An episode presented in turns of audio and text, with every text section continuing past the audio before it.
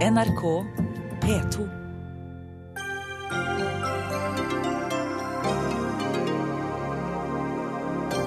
Forsvarssjefen foreslår drastiske kutt på 12 000 HV-soldater, 800 sjefer, to ubåter, seks overvåkningsfly og to kystvaktskip og hele Kystjegerkommandoen.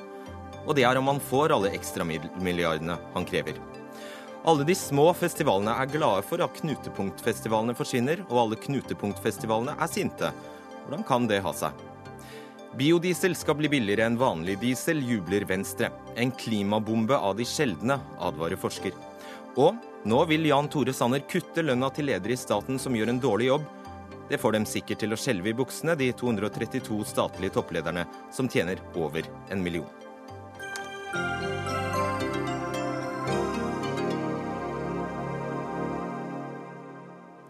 Forsvaret må ha tre nye milliarder hvert år fra i år, eller fra 2017, og i fire år framover. Minst.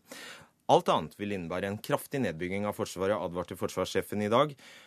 Og i dag eh, hadde og benyttet Håkon Brun-Hansen anledningen til å gi politikerne mye å tenke på da han la fram sitt fagmilitære råd om Forsvarets framtid. Men vi har likevel en forsvarssjef som selv anbefaler drastiske kutt i Forsvaret. Er det ikke slik, Håkon Brun-Hansen? Jo, det stemmer. Først og fremst så er mitt fagmilitære råd en anbefaling om å videreføre et relevant forsvar inn i fremtiden. Et forsvar som har nødvendige kapasiteter og evner å avskrekke innenfor rammene av alliansen. Vi trenger å gjøre en rekke grep for å styrke Forsvaret for at det skal være relevant i fremtiden. På den andre side så har en rekke konsulentselskap vist at det er et potensial for ytterligere effektivisering i Forsvaret. Det har vært viktig for meg at den anbefalingen jeg kommer med, som krever et betydelig økonomisk løft, er nøktern, og at de effektiviseringspotensialene er tatt ut. Og da vet du bedre enn offiserene som befinner seg på bakken. De sier faktisk at eh, de fleste av kuttforslagene dine må stanses. Det er smertefulle kutt vi anbefaler. Det er nettopp derfor vi også kan si at anbefalingen er nøktern. Vi har snudd alle steiner i Forsvarets organisasjon for å sikre oss at det vi prioriterer pengebruken til, er de viktigste egenskapene og kapasitetene vi trenger inn i fremtiden. Hva er de viktigste prioriteringene her? Ja, de viktigste prioriteringene er først og fremst at vi moderniserer eller fortsetter å modisere Forsvaret slik at det er relevant. Her i ligger det å styrke etterretningstjenesten og overvåkingsevnen vår. Her ligger det å fortsatt modernisere vår kampkraft. Her ligger også det å styrke vår reaksjonsevne, beredskap og utholdenhet, slik at vi er i stand til å reagere hurtig mot dagens og fremtidens trusler. Så har vi skjønt at dette får ikke du til innenfor eh, de nåværende forsvarsbudsjettene? Nei, som jeg har anbefalt, så krever dette et økonomisk løft. Min anbefaling er å øke med 3 milliarder per år i de fire første årene etter 2017, og deretter flate ut på et høyere nivå. Hvor kommer disse 180 eller 175 milliardene fra, da, som vi har hørt? 180 milliarder er FFI-rapporten som viser hva det vil koste å videreføre dagens forsvar 20 år frem i tid. Og hva, eh, Hvordan mener du at eh, politikerne, hva, hva er konsekvensen hvis de, politikerne ikke bevilger de pengene? Ja, Som jeg pekte på i min fremleggelse tidligere i dag, så er den ene linjen jeg er blitt bedt om å vurdere, en videreføring av forsvar med en budsjettramme på 2015-nivå. Det vil medføre betydelige nedleggelser i Forsvaret og en svekking av vår operative evne. Min anbefaling om økning er den som er viktig. Jeg har anbefalt en betydelig økning i begynnelsen, fordi vi trenger å investere i viktige kapasiteter. Men den kan altså også vurderes hvordan dette gjøres. Det er den politiske ledelse som må se på hvordan de ønsker å gjennomføre økningen. Det viktige er at det kommer en økning som gjør det mulig å ha et relevant forsvar for fremtiden.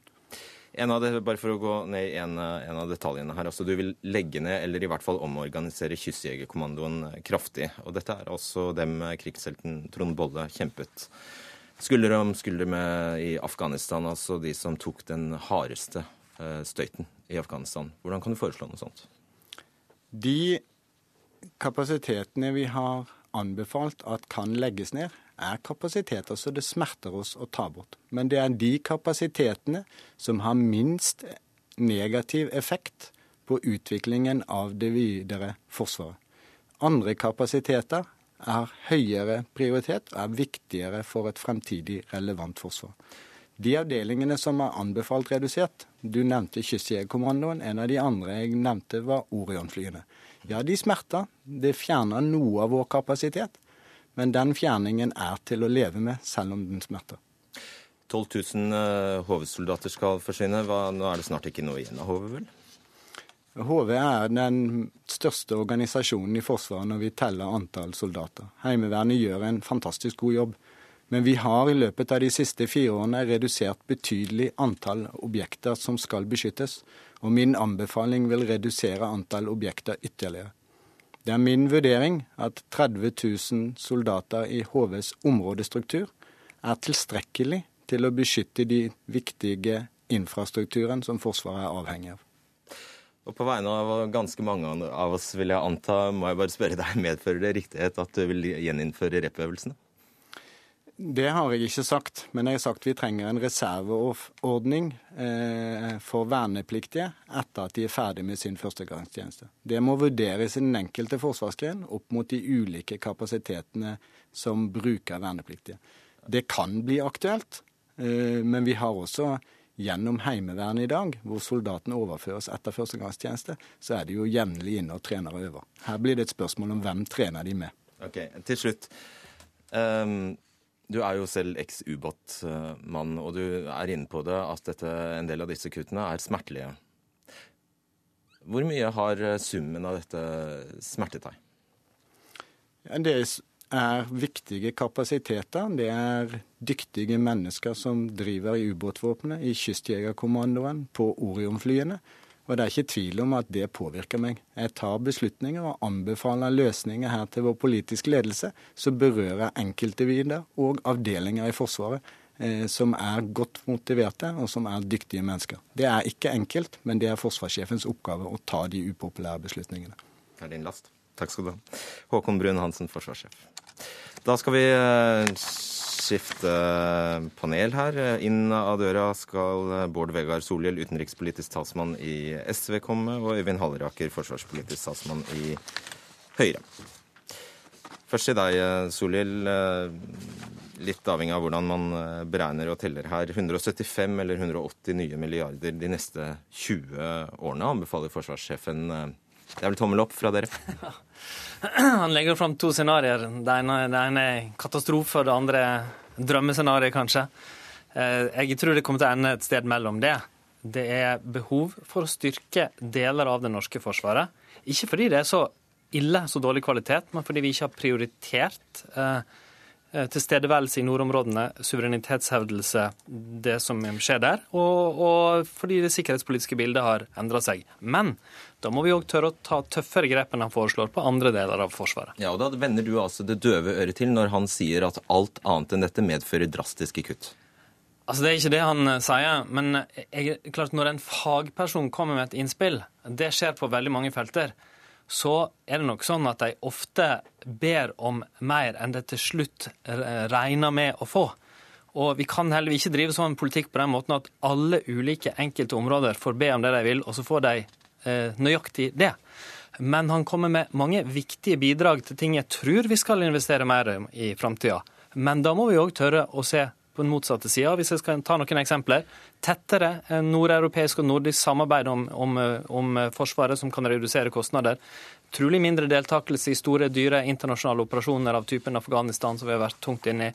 Eh, og jeg mener vi bør kjøpe færre kampfly enn de vi har vedtatt nå. Det kan være en potensiell kostnadsbombe, som mange fagfolk har pekt på. Det er veldig dumt å kjøpe noe som vi ikke har råd til å drifte, eller som går utover andre deler av Forsvaret. Det var en liten detalj, siden du nevner dette med forsvarspolitisk eh, samarbeid. Eh, hva gir deg egentlig rett til å uttale deg, du som vil ha oss ut av Nato? Og mye, mye av det forsvarssjefen anbefaler, er nettopp basert på vårt Nato-medlemskap. Altså, det stemmer at det står i SVs program, men jeg tror vi alle er klar over at eh, det er et stort flertall i Norge og det politiske Norge for det, og at all forsvarsplanlegging baserer seg på det. Og Det finnes det jo en del gode argumenter for òg. Øyvind Halleraker, forsvarspolitisk talsmann i Høyre. Det siste her er du vel glad for å høre? Jeg syns dette var oppløftende å høre SVs nye syn på Nato. Eh, men eh, til dagen i dag og hva dette dreier seg om, eh, det dreier seg jo om et fagmilitært råd som legges fram for oss politikere, som vi skal vurdere inn i en totalitet, og som vi endelig skal beslutte om i juni neste år. Og I den prosessen som ligger foran oss nå, så kommer alle til å få komme til orde med det de måtte ønske. Så vil vi som politikere måtte ta hensyn til det som forsvarssjefen nå har lagt fram. Og Hva er det du hører? For Solhjell mente jo han ikke hørte en kraftig advarsel om at alt annet enn disse bevilgningene vil føre til drastiske kutt. Hva hørte du? Nei, Jeg hører at dette er helt nødvendig for å trygge Norge. For å også imøtekomme den nye sikkerhetspolitiske situasjonen som eh, vi står oppe i. Og ikke minst for å bevare vår troverdighet overfor våre Nato-partnere. Det er eh, hovedbegrunnelsen. Og så får vi se hva som blir det endelige. Men jeg opplever at forsvarssjefen har måttet kutte både i Heimevernet og i Kystjegerkommandoen, for å ta to eksempler som jeg tror smerter veldig også på hans bord. Så for å grave fram disse fire milliardene, hvilke trygder skal du kutte? Det får vi se når så langt kommer. Vi har ikke begynt behandlingen av dette ennå. Jeg hørte virkelig Halleraker si ja til 180 milliarder over bordet nå etter noen få timer. Det er jo så useriøst at jeg har ikke ord. Jeg tror ikke egentlig det var det han mente. Eh, det, det, jeg, et, det, sa jeg heller ikke. Nei, men, det var det du som sa. Nei, men alvorlig talt, Halleraker. Okay, da kan du ikke liksom bare sitte og si her at det her er helt nødvendig, som en blankofullmakt i det det kommer. Det vi må gjøre nå, det er å sette oss inn i de tingene fors uh, forsvarssjefen har hatt et år på å jobbe med. Det vil i hvert fall mitt syn være at jeg ta, tar ikke stilling til enkeltheter nå. Men det tror jeg går an å si. Det er at Når en fagperson legger fram to alternativer, sier at det ene er katastrofe, det andre blir bra, så kan det jo hennes det finnes en nyanse mellom det. Det er jo ofte sånn. Og vi må jo legge til grunn at når en etat ber om mer penger, så kan det være svært viktige og gode argumenter, men det kan òg finnes avveininger politikere skal gjøre mot andre ting. Og hvis jeg får lov, et lite europeisk perspektiv. Nå har Nato vedtatt, og Norge har vært med på det, at alle land i Nato skal kraftig øke sine forsvarsbudsjetter. alle europeiske land. Eh, jeg tror det er et feilspor i Europa med en massiv opprustning i eh, europeiske land nå. Eh, det store problemet i Europa nå det er arbeidsløshet, sosial uro. Det er enormt behov for å bruke de store pengene på utdanning, infrastruktur, arbeid, på å skape økonomisk trygghet. Og det sier Norge du vel helt inntil den dagen vi er Norge okkupert? eller noe sånt? Norge er en annen økonomisk situasjon. Og vi er i en annen sikkerhetspolitisk situasjon. Vi vil ha råd til noen viktige løft, men vi òg må ta hensyn til andre prioriteringer og være villige til å ta noen tøffe kutt for å velge det vi syns er viktigst. Det er vel sant, Halleraker. Altså, ser man rundt seg, så finnes det mer presserende oppgaver? Det finnes alltid oppgaver for politikere å ta fatt i, men det siste vi må kutte på, er forsikringspremien når vi ser at det er urolig rundt oss. Det er det som er eh, hovedbudskapet. Men det er jo ikke noe nytt at Forsvaret ber om mer penger? Det som er nytt, er at vi har fått en helt annen sikkerhetspolitisk situasjon. Og jeg er grunnleggende uenig med Solhjell i dette. Eh, jeg tror at eh, skal vi bevare vår forsvarsevne, skal vi bevare vår troverdighet innenfor Nato, så må vi langt på vei imøtekomme dette. Og jeg opplever at Solhjell forsøker å male et bilde av at forsvarssjefen har tegnet opp et, eh, et skremmebilde, et skremmebilde og, et, og, et, annet scenario. Han har svart på en utfordring han fikk fra forsvarsministeren, hvor han fikk eh, i oppdrag å beskrive men, videreføringen av dagens har jeg to nivå. Jeg sagt at dette er et viktig innspill, men, men du virker jo å være gift med den innstillinga etter noen få timer. Og så bare Norge bruker mye penger på forsvar. Vi er blant de landene i Nato som bruker mest per innbygger. Og det har det, noen ja. gode grunner. Men, men, men selv med dette forslaget så når vi ikke de to prosentene. Jens Stoltenberg gjør, har anbefalt alle. Det gjør ingen andre land heller utenom USA. Det... Og vi er blant de landene i Europa som bruker mest. Men så finnes det noen gode argumenter for det. Så må jeg si at De siste årene under rød-grønn regjering så økte forsvarsbudsjettene i Norge med SV i regjering. Det har fortsatt å øke, riktignok ikke like mye når man tar hensyn til flykjøpet. Men det finnes mange gode argumenter her for å gjøre fornuftige ting for et sterkt forsvar av Norge. Men vi må kunne ha en debatt og ikke bare liksom si at her ligger fasiten. Det syns jeg blir sånn tilnærmet useriøst. Det hadde aldri Høyre gjort hvis det var skole eller helse eller et annet felt. Ja, men det har vi da heller ikke gjort. Vi sier at vi har mottatt et fagmilitært råd i dag mm. som vi tar med oss inn i den videre diskusjonen. Og så får vi se om dette blir det endelige, eller om det blir mer, det eller om det er noe vi kan kutte på. Og Det er det vi har sagt i hele dag, og det kommer vi også til å gjennomføre. Men det som er viktig for oss, det er å lytte til de fagmilitære hva som nå er eh, helt avgjørende for å trygge Norges sikkerhet. Og jeg registrerer at SV er på en annen kurs enn de fleste andre partier i denne saken. Og Det må det gjerne få være, men jeg tror vi skal finne fram til et bredt forlik som trygger Norges sikkerhet framover. Vi er på en kurs av å stille spørsmålstegn når vi får noe på bordet, og sette oss grundig inn i det først. Eh, og så er vi på en kurs at det faktisk er andre store, viktige og sikkerhetsoppgaver, hvis jeg får ta et par eksempler, men som ikke kan løses med forsvar. Vi står i en flyktningkrise i Europa nå, med enorme ressurser foran oss. Det er viktig for å skape et stabilt Europa. Alle vet at forsvar er ikke løsningen. De globale klimaendringene, det som skjer nå i nord, som vil åpne opp nye seilingsruter, det er sikkerhetspolitikk. Der kan Forsvaret faktisk være en del av løsningen, og det kan være riktige investeringer. Men la oss nå få en nyansert og åpen debatt. Ikke en debatt som bare sier at her, sånn eh, må det sannsynligvis være. Alt annet må være dumt. I dag diskuterer vi et fagmilitært råd, Solhjell. Og da syns jeg det blir en avsporing å trekke inn alle andre forhold som er store utfordringer i samfunnet i dag. Nei, det er ikke en avsporing. Det er sikkerhetspolitikk. Og det er mer enn bare Forsvaret. Hva som gjør stater trygge. Og f.eks. miljø og nordområdene er jo en grunn til at vi er nødt til å rette okay. større oppmerksomhet òg fra Forsvaret mot nordområdene. Det er lite verdt uten et forsvar til å forsvare oss. Fortsett utenfor, er dere snill. Takk skal dere ha, Øyvind Halleraker og Bård Vegar Solhjell. Dagsnytt 18 alle hverdager kl 18.00 på NRK P2 og NRK2.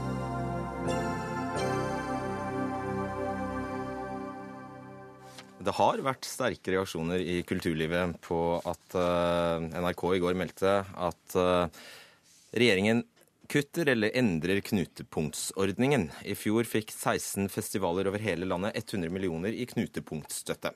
Pengene skal angivelig ikke fjernes, men eh, overføres fra statsbudsjettet til Kulturrådet. Og der alle som ønsker penger, må, eh, må søke. Ib Thomsen, medlem i kulturkomiteen for eh, Frp. Hvorfor gjør dere dette? Nei, dette er en ordning som har eh, vart i 30 år, eh, som eh, vi mener bør evalueres. Og det har man jo for så vidt gjort. Man har vært ute og hørt på Festival-Norge hva de ønsker. Og de mener at det er en uriktig og u...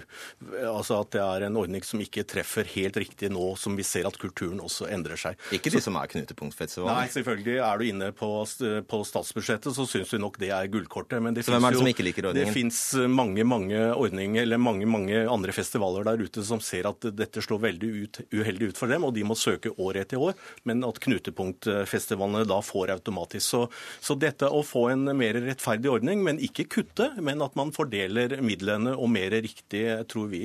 men hva er forskjellen her? Hva er forskjellen på å føre det på statsbudsjettet eller gi pengene til Kulturrådet, som så viderefører det? Nei, Det er jo for så vidt ikke noe forskjell, men det er at nå får alle like muligheter. Altså Alle blir knutepunkter nå. Alle får en eh, forutsigbarhet i hvordan, eh, hvordan de får eh, pengene. Så dette dette er en ordning som alle tjener, med, tjener på, mener vi, ikke minst festivaldeltakerne. Så Noe av poenget her er at politikerne skal ha en armlengdes avstand og ikke sitte med det nitty-gritty?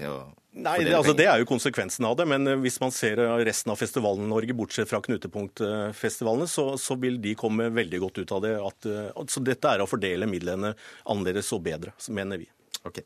Uh, Hege Liadal, du er medlem i kultur- og familiekomiteen for Arbeiderpartiet. Uh, dette høres jo ganske fornuftig ut, at det blir mer rettferdig hvis dette er en pott alle kan søke på, og ikke noen da er favorisert gjennom statsbudsjettet?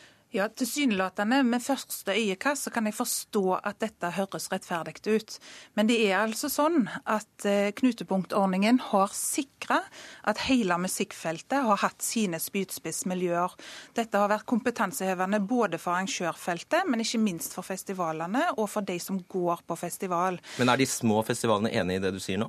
Det er jo klart at Dette er 16-17 festivaler versus 200-300 som vi har i Norge. Så bildet her blir jo skjevt i forhold til antall. Men det som er viktig å si for Arbeiderpartiet, er at countryen bluesen, folkemusikken, poprocken er like viktige som det som nå Toril Vidvei muligens planlegger å gjøre, nemlig å sette eh, klassisk musikken for seg sjøl, igjen alene på statsbudsjettet. Det er urettferdig, det. Da skal vi bare opplyse eh, lytterne og seerne, fordi det som har kommet ut til nå, det er altså at Bergen og Harstad beholder statusen.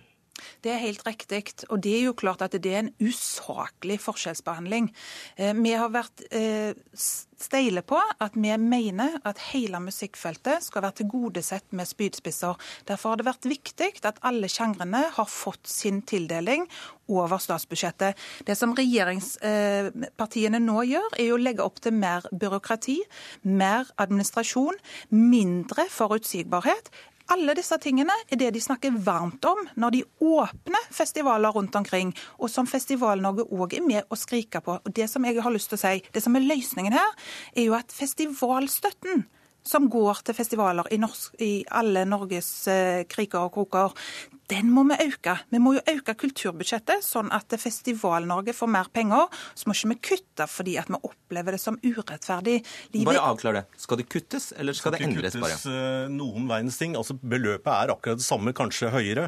Så dette vil jo generere mer festivaler rundt omkring i hele landet. Og når Men... en liten festival booker artister, så må de ha en forutsigbarhet. De har det ikke i dag. De må søke år etter år etter år, og vet ikke om de får penger neste år. og Da blir det vanskelig å få gode artister. Så dette vil jo styrke hele Festival-Norge, og dette mener jo Festival-Norge også. Ikke vennene til Arbeiderpartiet på knutepunktene, men hele Festival-Norge mener at dette er Men hvorfor har du lagt deres elsk på to festivaler i Bergen og Harstad? Jo, Vi mener jo at det er helt spesielle festivaler som er en nasjonale altså store først, nasjonale kjempe, kjempe, kjempespesielle? Veldig spesiale. spesielle. Det klassiske miljøet. Det som er trist, er at samfunnsoppdraget som knutepunktfestivalene har, kulturoppdraget ja, som knutepunktoppdraget har, f.eks. Øya som har vært veldig dyktige på å synliggjøre hva er knutepunktoppdrag. De har fått til konsertarrangørlinjer på videregående opplæring. De har fått til miljøhåndbok for alle festivaler i hele Norge. De har fått til hospitantordninger som gjør at Festival-Norge innenfor poprock-sjangeren nyter godt av eh, og kan dra hjem med kompetanse. Det er det Ib Thomsen og regjeringen ønsker å ta bort, og det er det de skaper en usikker framtid for, sånn at vi ikke får disse spydspissene innenfor hvert felt. Disse nye som nå kan søke om disse pengene, blir de knutepunktfestivaler? Klart at alle har jo muligheten til å gjøre det Arbeiderpartiet sier, at de kan være en spydspiss innenfor sitt kan område. Være, men skal ikke være. Man, man, skal ikke tro at noen for evig alltid skal være en knutepunktfestival, det, og det var ikke meninga i utgangspunktet heller. Dette var noe som man kunne rullere. Og dette slår jo litt skjevt ut i Norge. Også når man ser på Kongsberg eh, jazzfestival, hva de presterer og hva de leverer kontra Molde, så, så, så er det en skjev fordeling. Og helt klart, fordi, får, hvordan er det? Kongsberg får ikke, og Molde får? Kongsberg får ikke så mye penger som Molde, men leverer akkurat like gode resultater. Så, så det slår veldig skjevt ut. Og dette er jo et møte som både Arbeiderpartiet og jeg har hatt eh, møte med festivalene og ikke minst jazzfestivalene. Og dette er tilbakemelding vi får. Og dette må vi jo ikke neglisjere. Dette må vi ta på alvor og si at vi skal løse problemene for dem. Vi skal være med å videreutvikle Festival-Norge. Siste ord er ikke sagt i denne saken, og jeg er helt sikker på at dette er en ting som vi kommer til å debattere mye nå på Stortinget. Jeg tror at vi skal tørre å se Kultur-Norge i øynene. Jeg tror vi skal tørre å se musikklivet i Norge i øynene og si at vi skal sikre en bredde, òg over statsbudsjettet. Vi skal sikre et samfunnsoppdrag, vi skal sikre et kulturoppdrag. Men du hører, du hører jo Thomsen si at det er ingenting veien for at de festivalene som får penger, kan ta på seg disse oppdragene som knutepunktfestivaler? Men det er ikke Kulturrådet sitt oppgave å legge politiske føringer for samfunnsoppdrag. Det gjør vi på Stortinget. Derfor har vi valgt å legge disse festivalene over knutepunktordningen. Så skal jeg være enig i Thomsen i at man kan endre på knutepunktordningen. Man kan endre i varighet, hvem som er det, osv.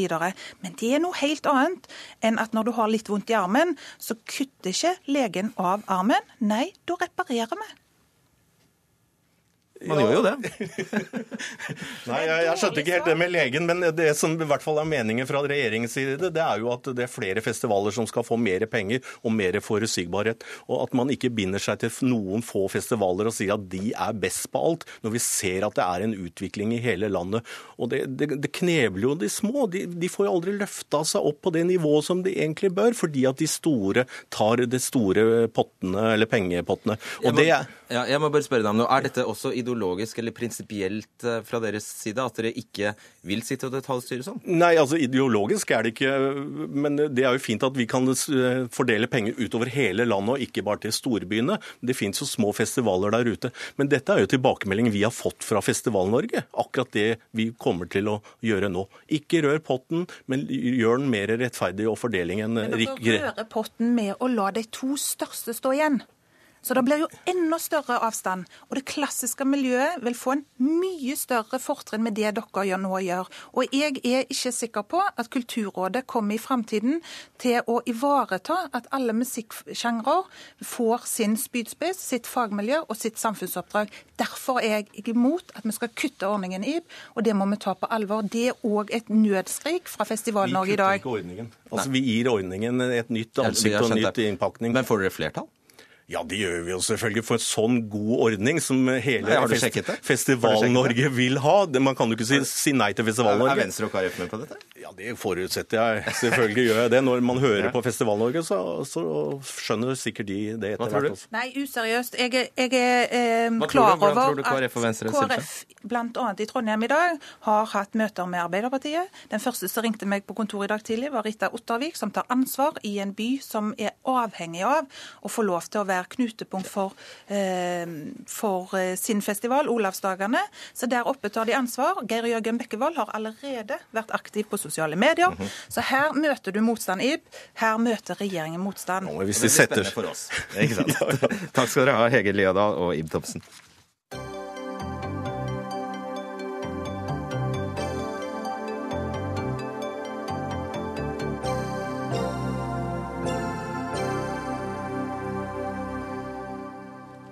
I dag sendte Venstre ut en triumferende pressemelding om at biodiesel nå blir billigere enn vanlig diesel og bensin.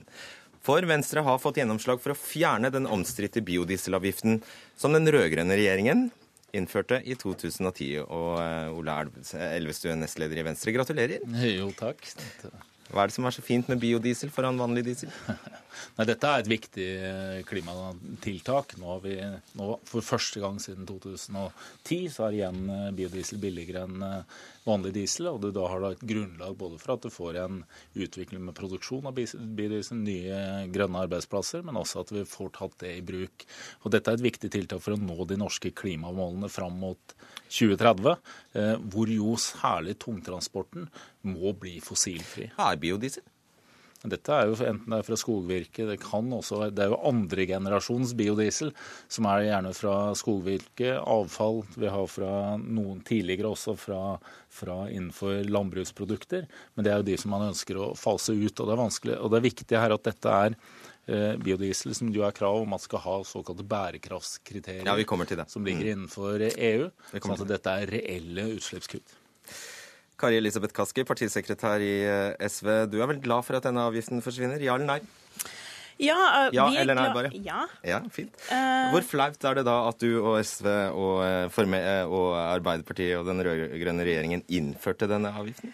Altså, jeg var jo i, eh, både i Natur og Ungdom og i Zero når den avgifta ble innført, eh, og jobba imot at den ble innført. Og det var ikke SV vi trengte å overbevise den gangen, det var Arbeiderpartiet. Så eh, SV er ganske stolt over hvordan vi har bidratt hvordan til å Hvordan dere tapte i den saken? Nei, vi er stolt over hvordan vi fikk på plass om, omsetningspåbudet i første omgang i 2007, og hvordan vi starta nettopp innfasinga av biodrivstoff i transportsektoren, og også en omlegging av avgifts, avgiftssystemet i en grønnere retning. Hvor flau er du over at det er en Frp-regjering som det dere, avvikler det dere innførte?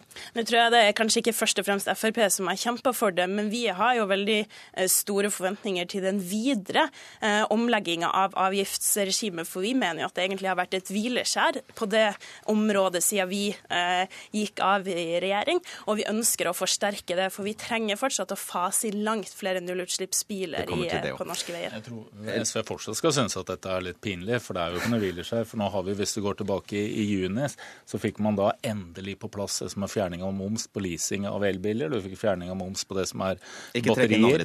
Og framover så har du også det som går på biogass, som kommer fra 1.1. Du kan kanskje hjelpe oss å rekapitulere. Det var altså slik at uh, daværende miljøminister, vernminister Erik Solheim fikk opp, som Kaski riktig sier, uh, fikk inn krav til innblanding av biodiesel. Altså 2,5 var, var det vel da. Rett etter sa Jens Stoltenberg hva? Nei, Da innførte man jo, det var jo budsjettet inn mot 2010. Eh, eh, først var Erik Solheim med på å åpne Uniol i Fredrikstad. Og så kom da budsjettet rett etterpå. Man innførte da halv veibruksavgift, som jo gjorde at eh, biodiesel ikke var konkurransedyktig lenger, og bedriften gikk over, en, gikk over, en, gikk over igjen. Og vi har ikke hatt noe reelt marked for de rene biodieslene i Norge. Og da Kaski, lurer jeg på hvordan føles det når Arbeiderpartiet nå har snudd? Altså, vi er jo avhengig av at flest mulig partier eh, jobber for eh, at vi skal få inn nullutslippsdrivstoff og biodrivstoff i transportsektoren. Så Derfor så trenger vi at Arbeiderpartiet er på vår side i denne saken. her. Hvordan føles det at de har snudd nå? Så kan vi si at de kom litt sent, som de kanskje har gjort på flere områder, også innenfor klimapolitikken. Eh, men vi er som sagt stolt over at vi starta arbeidet eh, på biodrivstoff. Og jeg tror Ola Elvestuen kan være enig med meg om at omsetningspåbudet er litt sånn grunnplanken La oss bare forklare dette omsetningspåbudet avgiftspåbudet. Det er altså snakk om at det er et krav til at eh, ja, 2,5, nå 5,5 av dieselen eh, består av biodiesel. Så enkelt, er, enkelt ja, som det kan det forklares. Det er så enkelt som det. Og det er nettopp grunnplanken i biodrivstoffsatsinga, fordi at det sikrer et visst marked for det produktet, og dermed også eh, et grunnlag for, for produksjon. Så er det viktig at avgiftsregimet eh, også støtter opp under det. Men la meg bare si at nå er det viktig at vi fokuserer på hvordan vi kan videre øke omsetningspåbudet. Og der tror jeg vi og Venstre kan finne sammen i å presse for å få til det. Men har vi også øker vi jo den også opp nettopp til 5,5% så det er jo også en del av denne enheten. Samtidig som du da fjerner veibruksavgiften på det overskytende delen av det som er biodrivstoff. Dølesund, hvor langt tror du man hadde kommet her eh, hvis det ikke var for at Arbeiderpartiet satte foten ned den gangen? Nei, vi hadde jo hatt en, Nå har vi hatt fem år hvor det har vært eh, stillstand. Så det er klart at det hadde helt klart vært en både produktutviklingen og mulighet for bedrifter å utvikle seg i de mellomliggende årene. Og du hadde også hatt en, en mulighet, da, særlig innenfor transportsektoren, at de store flåteeierne kunne i større grad ta i bruk eh, det rene biodrivstoffet. Så skal vi helle malurt i dette grønne begeret. For hva er biodiesel, hva lages det av, og hva er egentlig effekten på klima, og ikke minst på matproduksjonen i verden? Jo, biodiesel lagd i Norge er lagd på trær, som du sier. Og biodiesel fra norsk trevirke vil faktisk gi fire ganger så store CO2-utslipp som fossil diesel. Og ikke nok med det, en tredel av all biodiesel i verden er lagd på palmeolje, som vi har lært oss er fæle ting, som vi vet fører til hogst av regnskogen. Og disse faktaene har jeg rappa fra deg, eh, forsker i Statistisk sentralbyrå, Bjarte Holsmark. Hva vil du si er det aller, aller verste med biodiesel? Uh, du, altså det jeg hadde tenkt å snakke om, uh, som jeg har forberedt meg på her, det, det var den typen utsagn som Ola Elvestuen uh, kom med nå, om at den avgiftsomleggingen vi ser i dag, at den kan gi grunnlag for norsk næringsvirksomhet. Og da spesielt da produksjon av biodrivstoff fra norsk trevirke. Så det var det jeg hadde tenkt å, å fokusere ja, på. Ja. Og, eh, og for klimaeffekten av å lage biodrivstoff av norsk trevirke, det har jeg forsket mye på. Og det jeg dessverre finner i den forskningen, det er at eh, den typen biodrivstoff gir mer CO2 i atmosfæren i flere århundrer fremover. I, man, flere hundre år? Flere århundrer fremover må man regne med det. Eh, man får en klimagevinst, men den kommer da etterpå. Og i mellomtiden har man altså forsterket klimaproblemet. Og dette høres jo kanskje veldig paradoksalt ut, for vi vet jo alle sammen at uh, når man hugger trær, så vokser de opp igjen og fanger tilbake den mengden CO2 som, uh, som, som de har generert når man, når man laget biodrivstoff og da brant biodrivstoffet. Ehm, men for, la meg forklare det. Hvorfor er, hvorfor er, det slik? Og Bakgrunnen her er altså at norsk skog det er en del av et, det store boreale skogbeltet som går fra Alaska, Canada, via Skandinavia og Russland. Og Det skogbeltet det er altså et, et større karbonlager enn eh, den tropiske regnskogen. Og eh, det er veldig viktig å forsøke å ta vare på det karbonlageret. Og det gjør vi ikke gjennom å, å ta ut biodrivstoff her. Altså, Det vi må huske på at med, med et stort uttak av tømmer, eh, så får, får, du altså mange hogstflater i skogen. Hogstflater er typisk altså veldig karbonfattige. Eh, så da har man altså, så, og det karbonet finner du da istedenfor i atmosfæren. Eh, så, og, og det du snakker om nå, bare for å ha avklart det, det er altså noe så banalt som fotosyntesen.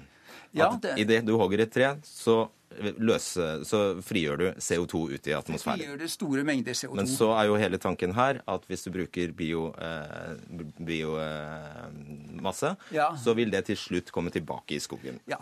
Problemet er at det, av trevirke som det blir vel, dessverre veldig lite biodrivstoff eh, ut av uh, trevirke. Sånn at du må hugge utrolig store mengder norsk skog for at det i det hele tatt skal monne, og at du skal klare å få erstattet noen vesentlige mengder med bensin.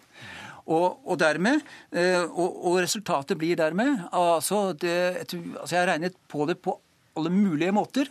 Og uansett hvordan jeg regner på det, så kommer jeg da fram til at du får mer CO2 i atmosfæren i, i flere århundrer fremover ved å produsere biodrivstoff av uh, norsk skog. Og du har jo ikke tenkt å leve i 200 år, Kaske? Nei, og vi skal jo også løse klimaproblemet innen den tid. Eh, men hvis vi lytter til eh, SSB og til Bjart Holtsmark her, så kan jo fossil energi puste letta ut. For da vil vi jo fortsette som før og ikke lykkes med å løse klimaproblemet. Det var jo ikke det han sa. Han sa bare at din løsning er virkelig forfeilet. Ja, det, det han sier er at vi ikke kan ta i bruk biomasse. Men uh, da strider jo det mot det f.eks. en samla eh, klima, FNs klimapanel sier, som jo sier at vi må ta i bruk mer biomasse for å løse klimaproblemet. Og Bjart Holsmark har jo altså Han har kunnet spilt inn, men han har blitt avvist i den prosessen. Det er det ene. Så er det Ja, jeg, bare til det. Ja, bare det, det, det, er feil. altså Mine rapporter er sitert i FNs klima. De rapportene jeg snakker om, de, den eh, produksjonen den er sitert i, i klimapanelets eh, og lagt til grunn for, eh, for, for det de har kommet frem til. Og, og det er feil det du sier.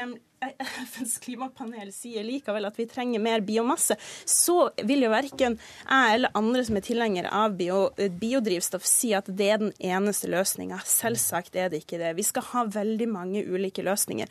Men det er nå dog likevel sånn at foreløpig Men han sier jo at denne løsningen er direkte destruktiv. Den fører til mer utslipp. Ja, og det er motbevist. FNs klimapanel tar til orde for biodrivstoff og biomasse og Da vil jeg bare påpeke at hvis vi hadde satt Naturvernforbundet eller eller WWF eh, her i studio, så er det ganske sannsynlig at de hadde gått med på veldig mange av konklusjonene til Håsmark. Men dette er jo motstrid også med de bærekraftskriteriene som ligger til grunn. At du skal ha en reduksjon på 35% sånn som det er vel i dag, og er, som øker det 50 Nå er det ingen som skjønner hva du snakker om. Nei, Det ligger i EU sin krav at ved produksjon av biodrivstoff så skal du ha 50% reduksjon i forhold til det som er et fossilt eh, drivstoff. Det er det som ligger til grunn. Men også de bærekraftskriteriene har du studert, altså, ikke sant? Jeg, min, jeg, min hensikt er ikke å diskutere diskutere med, med, disse politikere. Men det er en del faktafeil jeg må, må peke på her.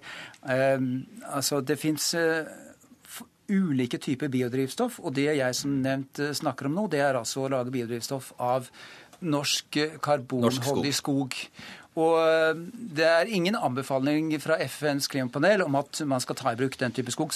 Tvert imot, det står veldig understreket i klimarapportene fra dem om at at klimaeffektene dem kan være eh, meget uheldige. Men da må jeg bare spørre, Hvis det er slik at en tredel av dagens totale produksjon av eh, biodrivstoff består, eh, kommer fra, fra palmeolje, ja så kan jo ikke det være særlig bedre enn nei, å ta den norske skogen. Nei, det, Der har du også altså, et stort problem med norsk eh, biodrivstoff. Nå er det slik at I Norge så vi, eh, importerer vi ikke noe palmeolje til norsk eh, biodrivstoff. All norsk bruk av biodrivstoff men, ligger men, altså, innenfor de bærekraftige Det er altså sånn typisk veldig kort, kortsiktig resonnement. fordi at EU importerer nå stadig mer palmeolje for å dekke sitt behov for biodrivstoff. Og, og, og, og, da må man tenke litt lenger fram enn til sine egne grenser. Når vi da kjøper mer biodrivstoff som produseres av raps i EU, dette... så må de importere mer palmeolje. Og, og dermed eh, har vi Jeg tror vi kan egentlig konkludere med Holtsmerk at du ikke er for biodrivstoff. Det er jo en ærlig sak. Vi argumenterer på hvorfor det er et nødvendig klimatiltak. hvorfor det også... Han forsker jo på det, i motsetning til deg. Ja, men det gjør jo også alle de tusenvis av forskerne som har skrevet FNs klimapanel sin klimarapport, og som anbefaler det her. Og det er altså det er forskjell på ulik type biodrivstoff. Vi vil trenge det. Det er seks milliarder liter fossilt drivstoff bare i Norge. Vi får ikke løst det, alt det med el, vi får ikke løst alt det med hydrogen. Vi trenger også biodrivstoff. Så skal vi også ta i bruk bruke, ja, du må jo bruke den biomassen som vi har. Vi skal ha skogsdrift i Norge også i framtida. Og det er også restprodukter der som kan brukes innenfor dette. Og så må det selvfølgelig ligge, du må passe på den tilveksten du har av biomassen av norsk skog, og du, ikke, og du ligger innafor det, sånn at du ikke reduserer totalbildet av biomasse. Dette er vi helt enig i. Så det er jo flere virkemidler du bruker samtidig. Og så må det også være sånn at du ikke skal være så opptatt av å gjøre ting riktig, at du ikke gjør de riktige tingene. Ja, altså, Her sånn setter du i gang med en prosjekt. Dette er et klimatiltak, og så må vi selvfølgelig justere Det er ikke et klimatiltak, sier han. Altså, poenget, ja, poenget, er, jo nettopp Elvestuen, at uh, altså, hvis du kan finne forskning som viser at uh, norsk skog er, og bruk av norsk skog til å lage biodrivstoff er et klimatiltak, så er jeg veldig interessert i at du kommer med det. Og, og du sier at man skal det, gjøre dette uansett. Ja, det er greit for meg. Bare, min oppgave som forsker er å peke på at da får du mer CO2 i atmosfæren. Grunnleggende uenig, og det bryter også, det bryter også, må jeg bare få korrigere Kasken når du sier at alle disse forskerne som er med i FNs klimapanel, eh, er uenig i denne konklusjonen. Jeg har samarbeid med flere av de forskerne som har skrevet kapitlet om bioenergi i den siste rapporten fra, fra FNs klimapanel, som, som er helt enig i disse konklusjonene. Ja. Og Kaski, hvor, mye er denne, ja, hvor, Kaski, hvor mye er denne gavepakken til skogbruksnæringen i Norge verdt? Altså, jeg tenker på det som hvor mye det er verdt for at vi skal greie å løse klimaproblemet. Og det er ikke, altså vi, uh, Ola Elvestuen har helt rett i at vi er jo ikke heller tilhengere av å la Norge gro igjen. Men, se men du underslår ikke at skogbruksnæringen har ivret veldig for dette. og jeg har vært med og ivra for det sammen med dem. Og det skyldes det at vi er nødt til å få opp nye løsninger som kan sikre at vi får gjennomført klimatiltak i fly, mm. i, i tungtransport og i skip. Og der vil det være en fordel for Norge at vi får produsert de løsningene i Norge. Og Miljødirektoratet var ute med en rapport så sent som nå i juni som sier at innen 2030 så må som godt all som drivstoff innenfor tungtransport være fossilfri. og Da er biodrivstoff en viktig del av det for at vi skal nå våre klimamål. Og Det kan godt hende at du er uenig i, men det er i hvert fall tunge fagmiljøer som mener det. Og jeg stoler på at Miljødirektoratet har hold i sine anbefalinger. Og det ble slik, Holsmark, at du trakk det korteste strået, rett og slett. For det blir innført. Takk skal dere ha, Ola Elvestuen, Kari Elisabeth Kaski og Bjart Holsmark. Hør Dagsnytt 18 når du vil. Radio NRK Radio.nrk.no.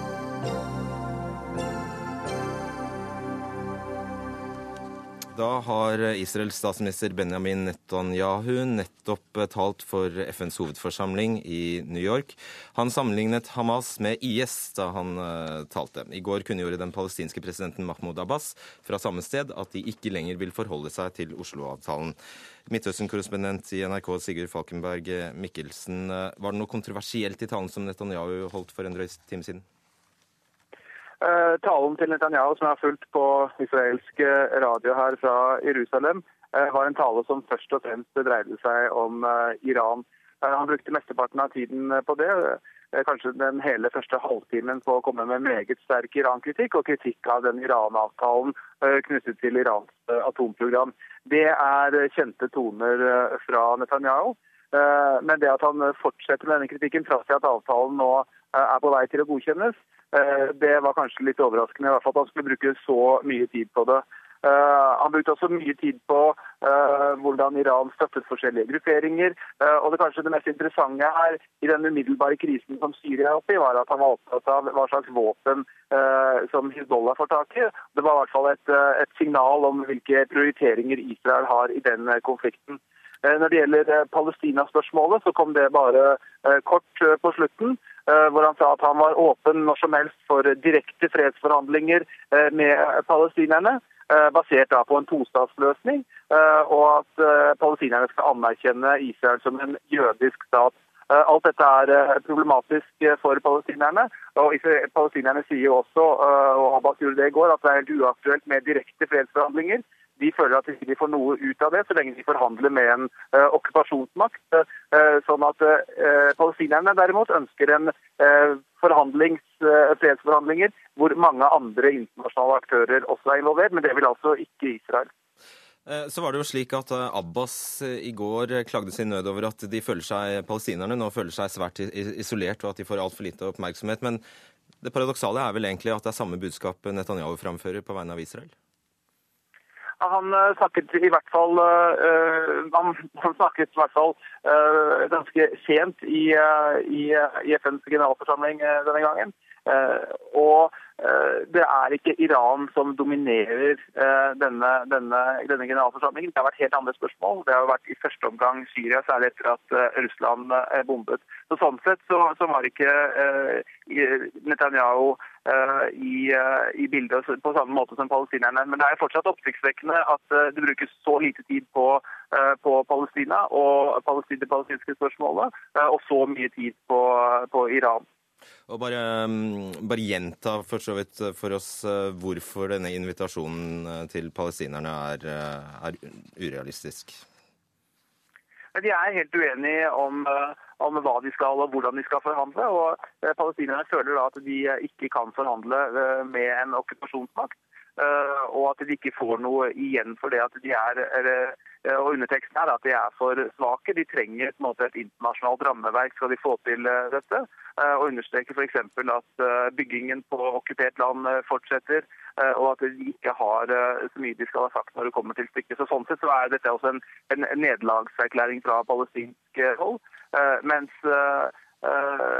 Netanyahu da sier at forhandlinger er mulig, vi trenger ikke å, å, og, bli enige om noe på forhånd. La oss sette, sette oss ned og uh, prate. Men der står det altså nå. Og der tror jeg han forsvant, Sigurd Falkenberg Mikkelsen. Uh, Marte Heian Engdahl, du er doktorgradsstipendiat ved Universitetet i Oslo og Midtøsten-kjenner.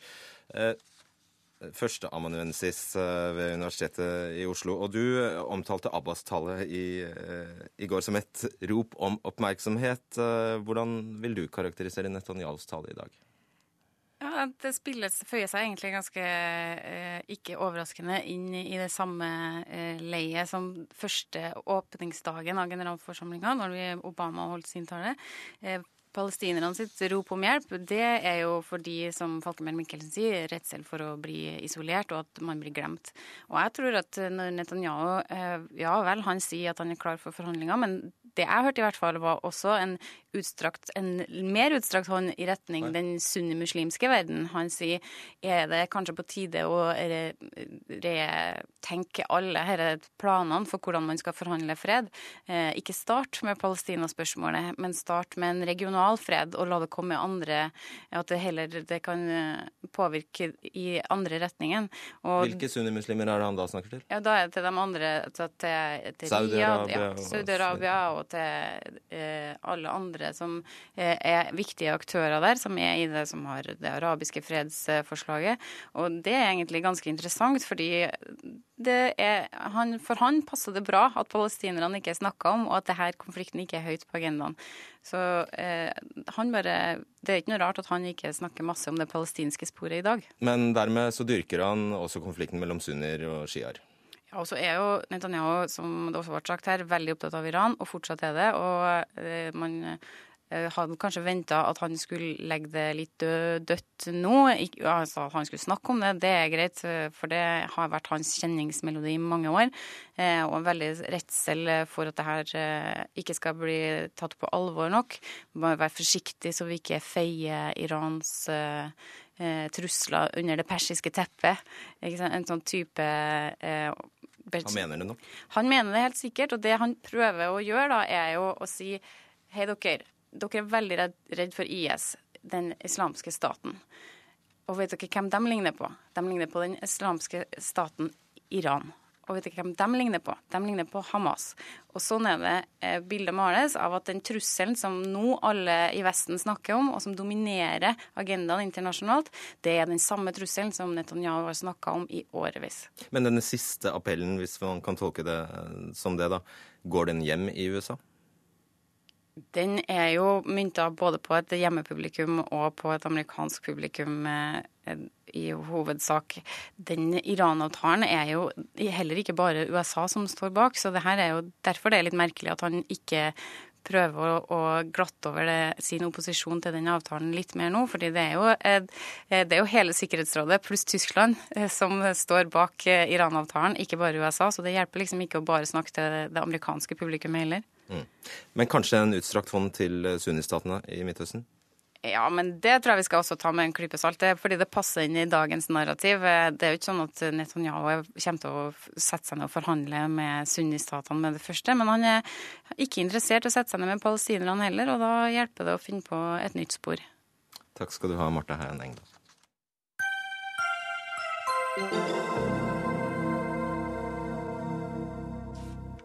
Det finnes rundt 300 ledere i staten som omfattes av det såkalte lederlønnssystemet. Topplederne i staten tjener i gjennomsnitt atskillig bedre enn sjefene i mellomstore bedrifter. Altså leder statslederne an i lønnsgaloppen. I tillegg får mange statlige ledere fete fallskjermer og retrettstillinger med millionlønn på tørkeloftet. Men nå har du rydda opp kommunal- og moderniseringsminister Jan Tore Sanner for eh, Høyre. For nå skal plutselig lønna knyttes til eh, om disse lederne gjør en god jobb eller ei? Det som er eh, viktig, det er at god ledelse det er helt avgjørende for at vi som innbyggere og næringslivet skal få gode tjenester. Det er viktig for gjennomføringskraften og effektiviteten i offentlig sektor. Eh, og vi tar nå mange grep og iverksetter mange tiltak for å fremme god ledelse i staten. Det grunnleggende er at jeg ønsker å gi lederne i staten større handlingsrom, vise mer tillit. Eh, men når du gir økt handlingsrom, så må du også ha en tettere oppfølging. Eh, og nå skal vi ha en tettere oppfølging av lederne i staten, og det er klart at lønn er en del av det. Så vi gjør egentlig to grunnleggende grep i lederlønnssystemet. Det ene er at eh, vi har forenklet lederlønnssystemet og sier at det skal være en, en, tettere sammenheng mellom resultater og lønn. Og det andre er at vi har ryddet opp i det, for, eh, det som er kalt for retrettstillinger og etterlønn. Det skal ikke være lang etterlønn, det skal være helt unntaksvis. Og det samme med retrettstillinger, det skal også være helt unntaksvis. Så på den ene siden rydder vi opp, og på den andre siden så får vi et lederlønnssystem som sikrer oss bedre ledelse i staten. Jeg tenkte kanskje det var umulig å finne noen som var uenig i dette, men uh, jaggu gjorde vi ikke det, Helga Pedersen, stortingsrepresentant. Stole på meg. stortingsrepresentant for Arbeiderpartiet. Syns du statlige ledere skal ha krav og mål? Jeg er, enig, jeg er, enig, med kommunalministeren i at man bør stramme inn på eh, det som handler om eh, etterlønn og retrettstillinger. Eh, ledere i staten skal ha en god og rettferdig lønn, men det kan ikke være noe automatikk i at har du fått en lederstilling, så skal du ha lederlønn uansett hva du støter på. Det som jeg er veldig uenig med Jan Tore Sanner og regjeringa i, det er jo at man skal innføre prestasjonslønn i statlig sektor. Man har svært blandede erfaringer med det fra privat sektor sektor, men der er det i det minste en logisk begrunnelse for det. For hvis du selger, plukker mange jordbær, eller selger aksjer, eller eh, får eh, bedre resultater på bunnlinja, så det er lett eh, å kunne regne ut bonuser i forhold til det. Men offentlig sektor styres etter helt andre mål. Der skal vi ha god, rettferdig, rettssikker saksbehandling. Vi skal gi omsorg til de eldre og utdanne våre barn og unge. Og da passer det ikke inn med prestasjonslønn. Eh, det skjønner jeg, men dette statens lederlønnssystem omfatter jo også eh, sjefene for eh, de statseide selskapene. Og der har vi andre sånn som Joakim Høeg Krohn i Argentum Fonds sin investeringer, som altså tjener 5,5 millioner kroner. Og han omfattes av dette systemet. Tror du ikke han lar seg insentivere? Insentivere av eh, bonuser? Det kan godt hende, men i de stat, statlige selskapene så er det jo som regel styrer som sitter og bestemmer lønna til direktøren. Det vi snakker om her, Statens personalhåndbok, det er jo ledere for de statlige etatene som Eh, Nav og eh, andre organisasjoner som skal eh, forvalte hverdagen til folk flest. Og jeg mener Det er også et perspektiv i det her som er veldig viktig. og Det er hva du skal måle lederne på. For i dag inngår man jo lederkontrakter med topplederne. Man har medarbeidersamtaler og diskuterer hva som er viktig å få gjennomført. Og Jeg frykter at dette vil være et større fokus på det som kan telles og måles, og mindre fokus på kvalitet, innovasjon, nyskaping kultur og samarbeidsegenskaper, som ikke minst har vært en viktig diskusjon etter Gjørv-kommisjonen. Og bare avklare en uh, sak for oss. Det er ikke sånn at disse statlige lederne risikerer å få null utbetalt? Det er ikke hele Nei, nei det, det, gjør det ikke. Men, men, men jeg, jeg, er eh, litt i tvil om Helga Pedersen har lest det forslaget vi har presentert. Fordi at vi innfører ikke prestasjonslønn. Det er ikke noe nytt system på dette, dette området. Det er slik at du har fem intervaller for, for leder, lederlønn. Og så har jeg sagt at det skal være en tettere sammenheng mellom resultater og lønn. Det er ikke noe nytt. Det har man også hatt muligheten til frem, eh, frem til i dag. Så det betyr at du kan frata dem lønn hvis de gjør en for dårlig jobb? Det systemet innebærer, det er at, eh, at en leder eh, undertegner da en lederkontrakt Eh, man blir enige også om målene for den virksomheten man leder. Det kan være Husbanken, det kan være Statsbygg, det kan være Nav eller det kan være Helsedirektoratet. Og så skal det være tette ledersamtaler hvor man da skal, skal diskutere om, om, lederens bidrag til å oppfylle de målene. Og Da må man kunne gi noe ekstra, men man må også kunne si at hvis en leder ikke har oppfylt de målene som er satt, så må man kunne holde, holde, holde igjen. Helt konkret eksempel, fordi vi hadde jo en eh, nylig slik eh, avgang med Joakim Lystad, Nav-sjefen, som altså fikk for alle praktiske formål sparken. Er han et sånt tilfelle der du mener han skulle vært trukket til lønn i stedet? Jeg vil ikke gå inn i, i enkelt, uh, enk, Jo, men det, det, blir veldig feil. Vi, bare sånn at vi forstår hva det innebærer? Det, det innebærer at, uh, at departementet som da har ansvaret for en virksomhet, vil ha større muligheter til enten da å øke lønn hvis man når målene, eller å holde igjen.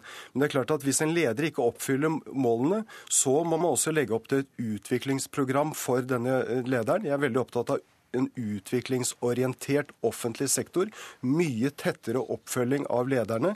Vi har fått på plass en ny lederplakat. Vi har fått på plass også et kompetanseprogram for ledere og, og ledergrupper. Ledelse i staten er helt avgjørende. Det Helga Pedersen snakker om prestasjonslønn, det har ikke noe med det forslaget vi okay. har presentert. Kort Pedersen, har du lest det? Ja, jeg har lest det. Og, og statsråden sier jo selv at gode leveranser gir mulighet for lønnstillegg.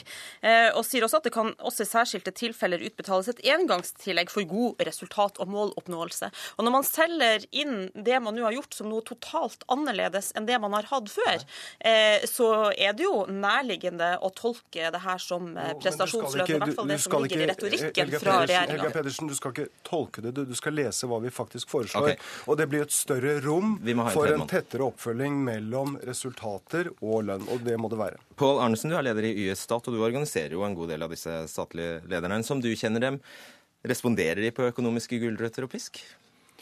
For å si det sånn, eh, I utgangspunktet så er vi imot og i hele tatt å, skille lederne ut på et eget lederlønnssystem. Alle statsansatte jobber ut fra samfunnsoppdraget. Vi, har, eh, vi er folkets tjenere og jobber ut fra et verdi- og holdningsgrunnlag som er ens. At det er noen av disse som har mer ansvar enn andre, det er nå så. Men jeg mener det at dagens hovedtariffavtale med endringer i nivåene, for det er det vi prater om, endringer i nivåene, kunne vært ivaretatt. For da hadde det blitt transparent og, og målbart på en annen måte enn det det er i dag. Men så syns jeg det, det er gode, gode, momenter i dette som nå er lagt fram. Eh, og, og, og det er jo først og fremst um, først og fremst da i forhold til, um, til dette med, med etterlønn. Og retrettstillinger.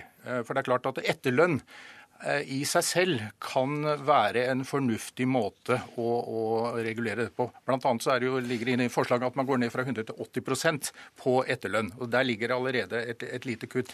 For det som, er, det som, er, mitt ankepunkt, har vært mitt ankepunkt hele tiden, det har vært den todelingen av de tilleggene som har vært gitt foreløpig, eller med den gamle ordningen. Med da en, en, et nivå i bunn, også inntil 30% individuelt tillegg på toppen. Og Det viser, eh, det viser tallene. og det er også departementet bekreftet at det er blitt regelen og ikke unntaket. Man har fått dette 30 %-tillegget og beholdt det uansett om man leverer på, på, mål eller ikke. Og det kan jo kanskje forklare det høye lønnsnivået også? Jeg vil ikke akkurat si at det er høyt lønnsnivå. Det er krevende jobber å være leder i offentlig sektor, så, så det er absolutt. Ja. Jeg er veldig glad for den støtten vi får for at vi nå har strammet kraftig inn på retrettstillinger og eh, etter, etterlønn. Det mener jeg har vært helt nødvendig opprydning. Jeg er glad for at Arbeiderpartiet også støtter det. Eh, og så må jeg eh, bare komme tilbake til at god ledelse i staten er helt avgjørende for en utviklingsorientert offentlig sektor. Da må vi iverksette en serie tiltak. Det har vi gjort. Og vi må også sørge for den tette oppfølgingen av lederne. Den har ikke vært så bra som det den burde være. Eh, og Derfor så får vi nå på plass det nye systemet.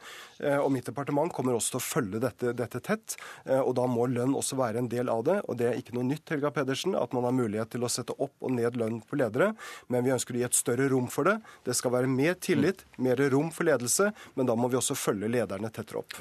Ja, vi er for både tett oppfølging av eh, lederne og at man, at man kan bruke lønnssystemet. Det har man et veldig stort handlingsrom for å gjøre i dag.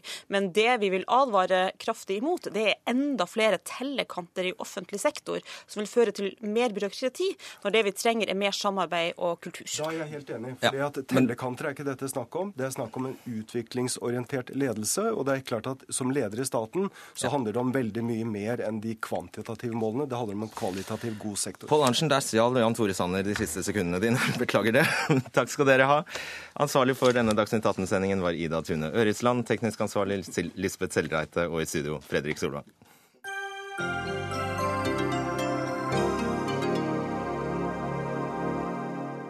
Hør flere podkaster på nrk.no podkast.